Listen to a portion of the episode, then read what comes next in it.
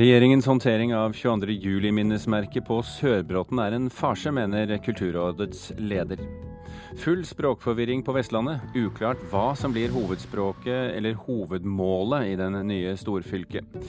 Og rommet der eh, kongen avviste Hitlers sendemann, blir satt i stand slik det var i april 1940.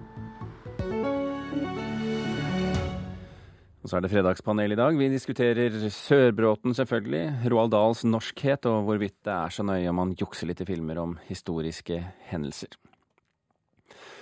Det blir pinlig om staten må utlyse en ny konkurranse om minnested for 22.07. Det sier leder av Kulturrådet, Tone Hansen. I går tilbød regjeringen naboene på Sørbråten i Hole kommune å droppe det valgte kunstverket som skal utgjøre det offisielle minnestedet, men de berørte beboerne avviste det tilbudet, for de ville jo ikke ha minnested på Sørbråten i det hele tatt. Det er en eh, svært trist historie, mener kulturrådslederen. Jeg syns hele historien er en liten farse. Et fjell skåret i to på Sørbråten ble i februar 2014 kunngjort som vinner av konkurransen om 22. juli-minnesmerket. I juni kom nyheten om at beboerne på Sørbråten ønsker å saksøke staten for å få stanset den planlagte utbyggingen av minnesmerket. I går bekreftet kommunalminister Jan Tore Sanner at regjeringen har tilbudt å forkaste det omstridte vinnerutkastet. Så ønsker vi å unngå en opprivende rettssak. Det vil være svært belastende for, for mange. Det er bakgrunnen for at uh, vi har bedt regjeringsadvokaten å se på mulighetene for en forliksforhandling.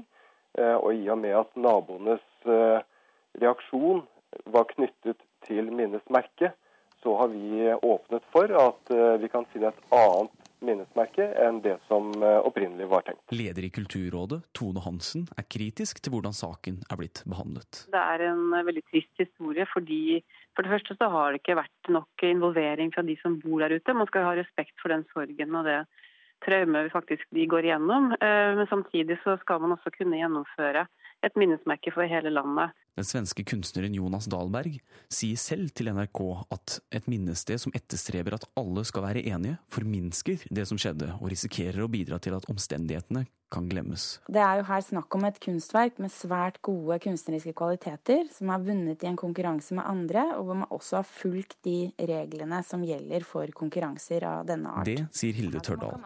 Hun er styreleder for Norske Billedkunstnere, og hun håper at kunstneren Jonas Dahlbergs rettigheter vil bli tatt hånd om i forliket.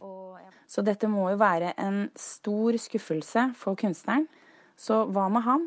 Hva ligger i forliket for hans del, det blir viktig nå å ivaretas. Når det er sagt, så er det ingen minnesteder som er tjent med å dras gjennom renseapparatet. Den utskårne fjellbiten fra kunstverket på Sørbråten skulle egentlig ha blitt forflyttet til regjeringskvartalet. Jan Tore Sanner har ikke lyst til å kommentere hva som skal skje med den delen av kunstverket, men Tone Hansen mener at dette nå er lite sannsynlig at ble gjennomført. Eh, man skulle få et minnesmerke som skulle smitte over på Høyblokka, knytte de to stedene sammen gjennom at jordmassen skulle flyttes. Eh, og skal man ikke bygge det første minnesmerket, så mister man jo også det som skal utenfor eh, Høyblokka. Og det ville vært en liten, veldig pinlig tragedie om man så skulle utlyse en ny konkurranse. Ja, det sa Tone Hansen til reporter Philip Johannesborg. Så skal vi til eh, avisene, hvor det skrives om at eh, direktøren i Den norske opera og ballett har tatt ut en klekkelig lønn i år, samtidig som operaen sliter økonomisk. Og eh, reporter Brage Berglund, hvor mye penger dreier det seg om her? Klassekampen skriver at eh, operadirektør Nils Are Karstad Lysø har en lønn på nærmere to millioner kroner i år. Samtidig viser regnskapstallene fra 2015 at operaen gikk med 67 millioner kroner i minus. Årsaken er i hovedsak at operaen har slitt med tunge pensjonskostnader. Og I tillegg skriver Klassekampen at flere av danserne og sangerne risikerer å miste flere millioner i pensjon når operapensjonsloven nå skal endres av eh, Kulturdepartementet. Direktør eh, Lysø skal eh, selv være skjermet mot pensjonskutt, ifølge avisa. Lyse ønsker ikke å kommentere saken til Klassekampen, men viser til styreleder i Den norske opera og ballett, Anne Karine Tanum, som sier at styret mener lønnsnivået til Lyse er helt riktig. Eh, både økonomisk og på annet vis så går det ikke så bra for TV 2 heller? Eh, nei, for i dag skriver Dagbladet at uh, ferske tall fra TV 2 viser at uh, TV 2-nyhetene har mistet 120 000 seere sammenlignet med det gjennomsnittlige seertallet for uh, 2015. Det skjer etter at kanalen valgte å sende nyhetene en time senere på kvelden, fra klokken ni til klokken ti. I stedet for å uh, ta en pause for nyhetene klokken ni om kvelden, har kanalen valgt å sende underholdningsprogrammene Skal vi danse og God kveld Norge fram til klokken ti. Eh, og til Dagbladet sier kommunikasjonssjef i TV 2, Jan Petter Dahl, at endringene i sendeplanen har hatt en positiv effekt for seertallene på de to eh, underholdningsprogrammene. Dahl understreker også at nyhetene fremdeles står i fokus hos eh, TV 2, og at endringen i sendetid ikke er en permanent endring, men en del av et prøveprosjekt som strekker seg over ti uker. Takk for at du informerte, Brage Berglund.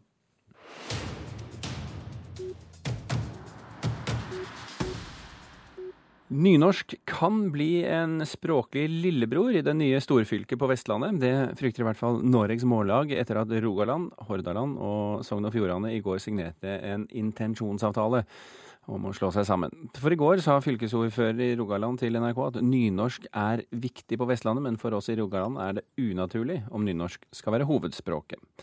Hovedmålet. Resultatet blir altså trolig valgfrihet. Og Magne Aasbrenn, leder i Noregs Mållag, eh, hva betyr det for nynorsken i så fall?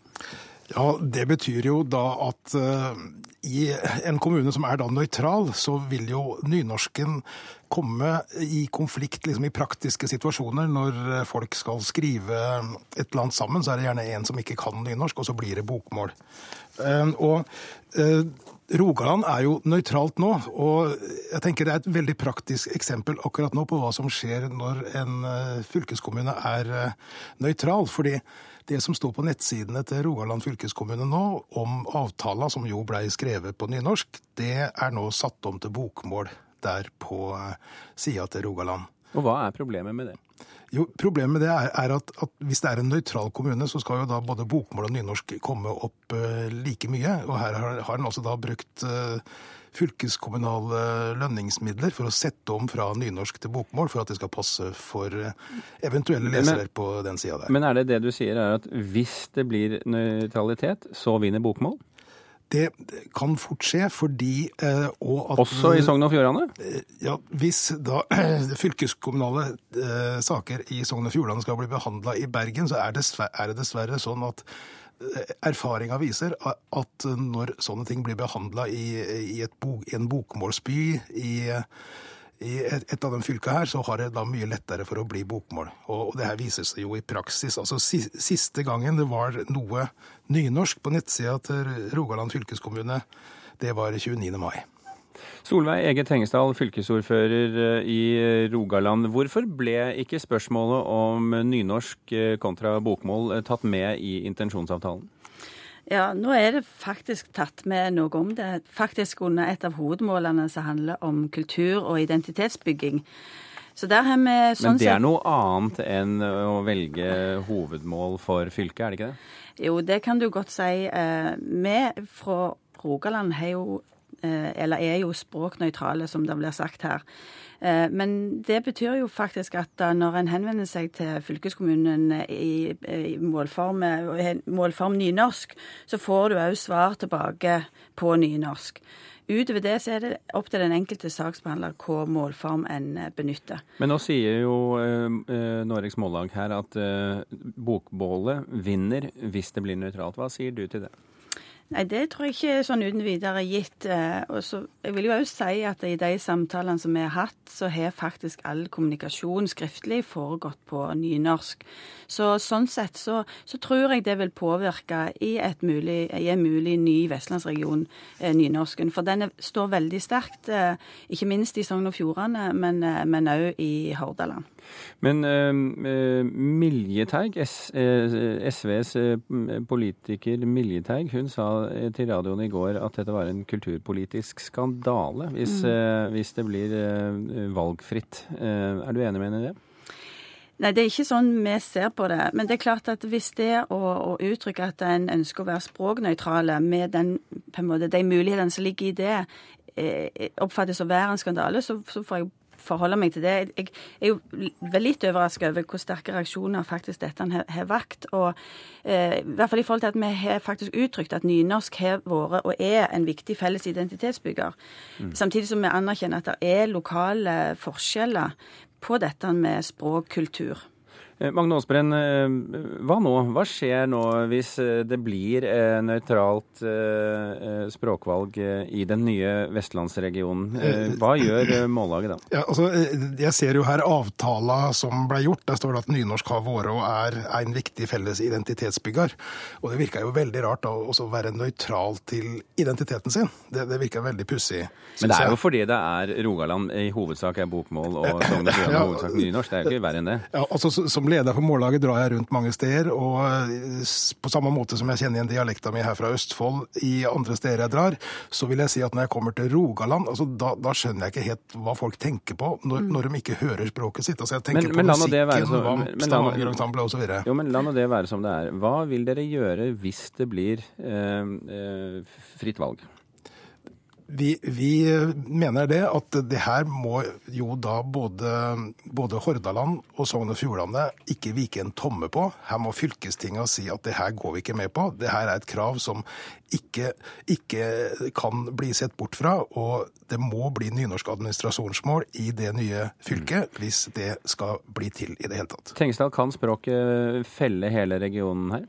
Nei, det tror jeg ikke. Jeg tror nettopp den eh, tilnærmingen vi har tatt på dette, der vi anerkjenner nynorsk som en vesentlig og viktig del av kulturbyggingen, da har vi anerkjent det, men vi mener samtidig at den språknøytraliteten som ligger i å kunne svare og, og velge hva målform du ønsker å ha, den eh, fleksibiliteten er viktig for oss å ha fortsatt. Men jeg tror det vil, være, tror det blir, vil bli en økt bevissthet.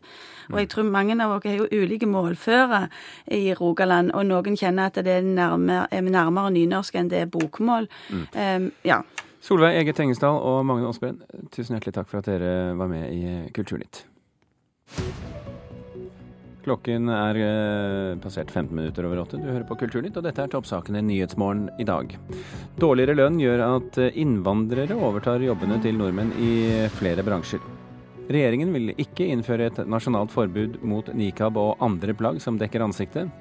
Og svømmer Sara Louise Rung sørget for enda et gull i Paralympics i natt. Rektors kontor på Elverum folkehøgskole, det rommet der kong Haakon den 7. avviste Hitlers sendebud, og spørsmålet om å overgi Norge, det skal nå settes i stand slik at det ser ut nøyaktig slik det så ut i aprildagene 1940. Kongen sa nei til Hitler og spilte ballen til Nygaardsvolds regjering. Den tyske regjeringa har krav at den norske kongen skal utnevne en regjering som har tysk tillit, og som den tyske føreren har pekt ut. Kongen har ikke kunnet bøye seg for et krav som ville gjøre Norge til et uselvstendig rike.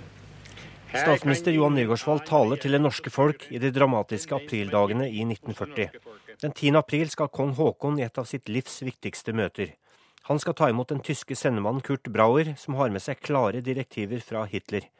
Nordmennene må legge ned våpnene, og Nasjonal Samlings fører, Vidkun Quisling, utnevnes som statsminister. Dette skjer på Elverum folkehøgskole på rektors kontor.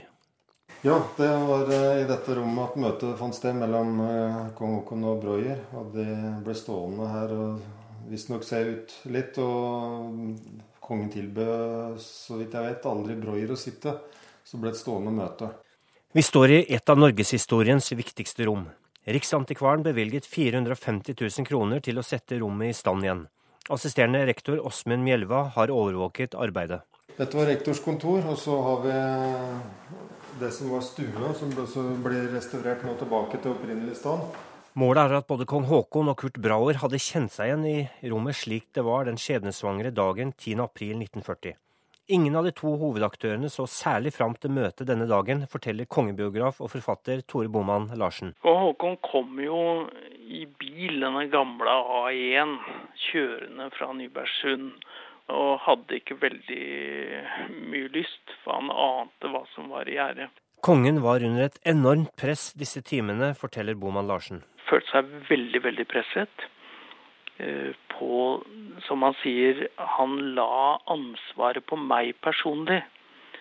sier du ja, så går dette bra. Sier du nei, så, så må du bære ansvaret for de ødeleggelsene som, som nå vil komme over Norge. Men kongen var aldri i tvil om at han skulle svare nei. Ellers følte han at han ville svikte Norge, Grunnloven og sitt eget livsverk. Assisterende rektor Åsmund Mjelva håper det ikke er lenge før publikum kan se det ferdige rommet der de historiske begivenhetene fant sted. Vi er jo et, hva skal si, en arena for eh, en av norgeshistoriens viktigste eh, hendelser. Så klart eh, det, ja, det medfører et litt ansvar. Men samtidig så er vi ikke vi et museum. Vi, vi er en skole som er i daglig drift, og her bor det, bor det elever rett rundt hjørnet. Så så vi får, eh, får, en liten utfordring med det, men det skal vi greie. Og reporter her, det var eh, Trond Ivan Hagen. Så har vi kommet frem til dagens fredagspanel, og med oss på linje fra Stavanger, Solveig Grødem Sandelsson, debattredaktør i Stavanger Aftenblad. Her i studio Audun Molde, førstelektor ved Westerdals Oslo Act, og Arne Berggren, Forfatter, tror jeg vi bare sier. Ja, kjempe, jeg liker det. Forfatter. Ja. Velkommen alle sammen. Takk og god morgen. Takk og takk. Og der var du også i Stavanger, ja, ja, ja. Sandelsson. Skal vi gå rett løs på første spørsmål, like gjerne først som sist. Regjeringen prøver, som vi hørte i dag, å komme Sørbråten-naboene i møte ved å skrinlegge Jonas Dahlbergs omstridte forslag til minnested. Men de ønsker å opprettholde Sørbråten som sted for minnested. Kommunalminister Sanner fortalte oss i går at de ønsker å unngå en opprivende rettssak som ville være svært belastende for mange. Og spørsmålet vårt er er det en riktig avgjørelse av regjeringen? Sandelsson? Nei. Berggren? Nei. Ja. ja hvorfor syns du at de skal komme beboerne i møte? Eh, fordi at dette er ikke hvilke som helst beboere. Eh, dette er jo folk som satte livet på spill for å redde ungdommer den 22. juli. Og at de skal gå til rettssak pga. dette, her, det er ikke til å bære. Det er bare for ille. Og jeg syns at dette har blitt en farse nå som, eh, som, bare må løses på en måte. Og da ta et steg tilbake og snakke sammen, det er et viktig hensyn. Jeg, har, jeg, liker jo selv veldig godt eh, skissene til dette her eh, minnesmerket til Jonas Dahlberg. men når dette nå får en sånn reaksjon som det får eh, i Hole kommune, så syns jeg det er riktig å snakke sammen og høre på folk. Og kanskje gå enda lenger. Hvorfor skal dette minnesmerket ligge akkurat der det skal? Kanskje man skulle tatt dette helt fra bunnen igjen, men nei. Sandelsson? Ja, jeg, jeg, jeg, har jo sympati for, for det, altså. Når jeg sier nei, så er det jo det er vel at de gjorde, gjorde, feil for lenge siden når de ikke inviterte med naboene og Hole kommune når dette skulle planlegges. Eh, men det, men det, er jo veldig trist, fordi hele denne saken blir nå et symbol på hva vi ikke klarer når det gjelder 22.07, og det er å strekke oss utover det private og, og personlige og den sterke sorgen. Det gjelder jo både når vi har vært mer eh, opptatt av eh, Behring Breivik sin, eh, sin barndom enn ideologi og så Men setter du ikke sterke krav til de pårørte her? Jo, og jeg tror det, tror ikke at det går. Det er egentlig et spørsmål som jeg ikke helt klarer å si ja eller nei til. For jeg tror at det har kommet så, så langt at Eh, at dette ikke går, og at dette blir stående som, eh, for ettertida som en sånn Så langt klarte vi å komme opp i alt dette og opp i alle som var sterkt berørt, mm. og ikke lenger.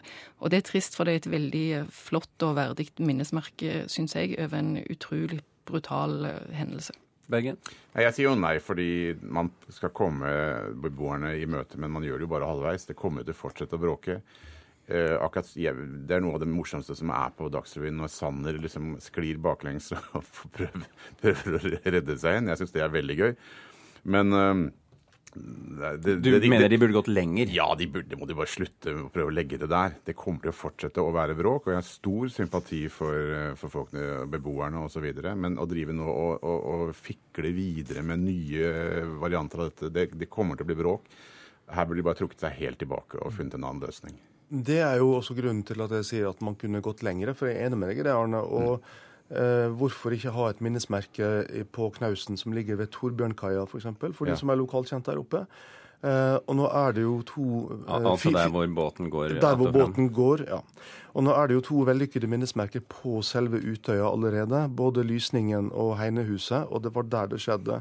Det man kanskje kunne hatt på landsiden, var jo et minnesmerke for nettopp de menneskene som bor der som gjorde den innsatsen den dagen. Mm. Sandelsson, er det, er det en, en, en klok idé å starte på nytt? Jeg, jeg, tror jo at det er nødvendig, sånn som det står nå. Det er, liksom, det, det er nødvendig, men uh, trist, syns jeg. Vi hopper til neste spørsmål. Tirsdag denne uken var det 100 år siden den verdenskjente forfatteren Roald Dahl ble født. Han ble født av norske foreldre i Wales, bodde mesteparten av sitt liv i England, men både snakket og følte seg norsk selv, og hver sommerferie tilbrakte han i Norge. Men han har aldri fått den heltestatusen i Norge eh, som han burde, mente kona hans. Og spørsmålet vårt er burde Norge tinget Roald Dahl eh, Molde? Um, nei. Berggren? Nei. Sandelsson? Nei, jeg klarer ikke heller det. Jeg, jeg, jeg, ser liksom ikke helt uh, hvem, vi skulle, hvem vi skulle gjøre med det. selveste kona til Roald Dahl sier at Norge burde tinget Roald Dahl, burde ikke Norge tinget Roald Dahl da? Nei, men det er jo, altså Jeg, jeg har vel alltid oppfatta Når det er barnebøkene hans jeg, jeg kjenner best, og, og han, han skriver jo veldig sånn barskt eh, britisk, så jeg, jeg, vet at han er Han var jo psykopat. Hen, norsk, og det var han òg, og, og, det skal vi ikke ha noe av i Norge. Men eh, jeg ser ikke helt hvordan vi skulle gjort dette uten at vi blir stående og hoppe opp og ned og prøve å få være med litt med de, med de store. Men her må vi jo eh, enes om, eh, Berggren, at eh, er det f.eks. en Hollywood-skuespiller vi snakker om, så holder det jo at vedkommende stryker kjærlig en finger over en brunost, og så føler vi at de er norske. Ja, vi har ett viktig prinsipp i Norge. Man kan da bare ha én forfatter, én dramatiker, én musiker, én kommunist av gangen.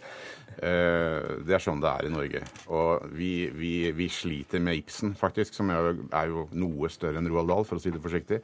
Selv han greier vi ikke å forvalte. Vi, vi leser jo ikke Ibsen i Norge på skolen lenger osv. Så, Eh, så, så, så jeg, mener, eh, jeg, mener, at vært på ferie i Norge Har du reist fra Norge, så får du i hvert fall ikke sokkel sånn. Og så må det være, altså. Men altså, Ibsen bodde jo 27 år i Tyskland og Italia. Da, ja, men han kom, kan, til, kom tilbake. Han kom tilbake, han, han skjerpet seg, og det, det gir noen muligheter. Ferie kontra bopel er det Ja, det er utrolig viktig. Det må være en boplikt. Altså, men, men, men, ærlig talt, Molde. Det er jo flere som mener at særlig de siste barnebøkene hans, 'Store vennlige kjempe' og 'Heksene' f.eks., er, er inspirert jo, men, av jo, Norge. Jo, men nå skal du høre at uh, Roald Dahl har heltstatus, i hvert fall ett sted i Norge, og det er hjemme hos meg. For jeg har nemlig lest alle bøkene til Roald Dahl. Jeg leste de som voksen da jeg hadde barn i passende alder for å lese de for seg. Jeg elsker Roald Dahl, men de må gjerne sette opp noen statuer nede i Fevik og lage en byvandring i Sarpsborg og sånt til hans minne. Ja, kona hans, da. Takk, ja, men jeg tror kanskje kona hans eh, kanskje tenkte på at vi nordmenn skal kaste oss over litteraturen hans, og det må vi gjerne gjøre. Men man bør kanskje ha Ja, det gjør vi. Ja, det gjør vi. Det er vel sånn det er. Det er jo ikke så Har dere oppfatter dere Store vennlige kjempe som veldig norsk? Når dere Nei, nå bare Nei. refererte jeg til forstandige mennesker som påpeker dette. Ja, eller som var gift med Roald Dahl, så kan en jo se hvor forstandig ja, Skal vi bare konkludere med at bautaen, den intellektuelle bautaen over Roald Dahl får være i dette spørsmålet Audun Molde og hans glede av Roald Dahl? Vi kan bli med på gleden. ja, fint. Vi har et spørsmål til, og vi tar med det også. Det har vært store forventninger til Norges Oscar-kandidat, filmen 'Kongens nei'. Og denne uken ble filmen vist for pressen. Og til Kulturnytt så har filmskaper Erik Poppe fortalt at det ikke finnes noen film i Norden noensinne som har vært så gjennomresearchet som 'Kongens nei'. Men ærlig talt, og her kommer spørsmålet. Er det så farlig om en historisk fiksjonsfilm eh, legger til å trekke fra og forstørrer og jukser litt, Berge? Nei. Svaret må vel være nei? Sandelsson? Ja, Da kan jeg si ja i. Ja, og forklar hvorfor. Nei, jeg tror Poppe jo, han har jo sagt sjøl at, at her var premisset at hvis de ikke fant en historie som holdt mål uten vesentlige forandringer, altså å tillegge folk egenskaper de ikke hadde, eller roller de, de ikke hadde. Så jeg syns det er et, et, ganske klokt utgangspunkt. Men det, det er jo klart at det, all historie gjenfortalt er et, et utdrag mm. av historien. Et syn, eller litt flere syn satt sammen. Det er jo ikke sannheten en får uh, i historiebøkene heller. Men skal vi tro uh, uh, anmelderne, Bergen, så er dette en svært god film. og er det ikke da grunn til å tro at det bildet filmen skaper, er det bildet nordmenn kommer til å sitte igjen med når det gjelder 'Kongens nei' Og da skal man ikke tulle for mye, vel? Jeg skal ikke tulle med det. Jeg gleder meg veldig til å se filmen for øvrig. Uh, som jo også er skrevet av forfattere, bare så det er nevnt. Ja. Uh, men, men, men det, dette driver jo historikerne også med. Altså Leser du bøker om 1814 f.eks., så får du 18 forskjellige versjoner av hva som egentlig hendte. Så det er klart et stort ansvar. Jeg tror Erik Poppa har jobbet utrolig bra med research og gjort dette nøye, sammen med forfatterne sine. Uh, men dette gjør jo historikerne også. De lager en narrativ. De forsterker, de forstørrer, de trekker frem, de trekker fra, osv. Men, eh, men, men, helheten, inntrykket, det må jo være en, en, en slags sann i hermetegn type historie. Det må, det, det må, ikke bare være underholdning og spektakulært, sånn som kanskje Max Manus til tider ble. Molde. Ja, er enig med Som for øvrig ble bombet sønder og sammen senere på kongens Uh, nei, det var et annet mål, den her jeg kommer fra. da, vet du, men, uh, så, så, det er ikke med saken å gjøre, Jåsund. Men uh, det er jo mange sånne historiske filmer som tar seg voldsomme friheter. sant? Og det ser vi jo også i billedkunsten og bakover i kunsthistorien. Så er det jo malerier som er helteepo, som er en tolkning, som er propaganda for at vi skal se hvem som er helter og skurker. Så det Dette begynte jo med Bibelen, med denne forenklingen. Jo, og Michelangelo osv. Men det, det, det jo en lang historie på det her. da, Men jeg er jo litt enig i at når det er en så viktig hendelse i norsk historie, så inngår man en kontrakt med lytteren. Man tenker dette går vi på kino for å se hva var det som skjedde den gangen. Da har du andre eksempler som den viktige Oscar-vinneren 'Seven Years a Slave', som satte slavetiden eh, i USA politisk på kartet igjen på en helt ny måte. Så når man lager sånne filmer, så har man kanskje en, et spesielt ansvar for å være veldig presis i seg noen gang med historien. Men om det var måneder siden eller ikke på Midtskogen eh, da den norske garden stoppet tyskerne der, det er kanskje ikke så veldig farlig? Jeg tror ikke at eh, framtida vår eller vår oppfatning av demokratiet står og faller med måneskinnet der, nei. nei. Fint. Da sier vi at vi er ferdig med dagens fredagspanel, og det passer ganske bra, for Kulturnytt er i ferd med å runde av. Arne Berggren, forfatter. Takk. Audun Molde og Solveig Grødem Sandelsson, tusen hjertelig takk for at dere utgjorde vårt fredagspanel. Tone Staude og Birger Kåser Aasund har gjort det vi har tenkt til å gjøre denne fredag morgen med Kulturnytt. Vi takker for følget og håper det fortsetter på radioen utover dagen. Hør flere podkaster på nrk.no podkast.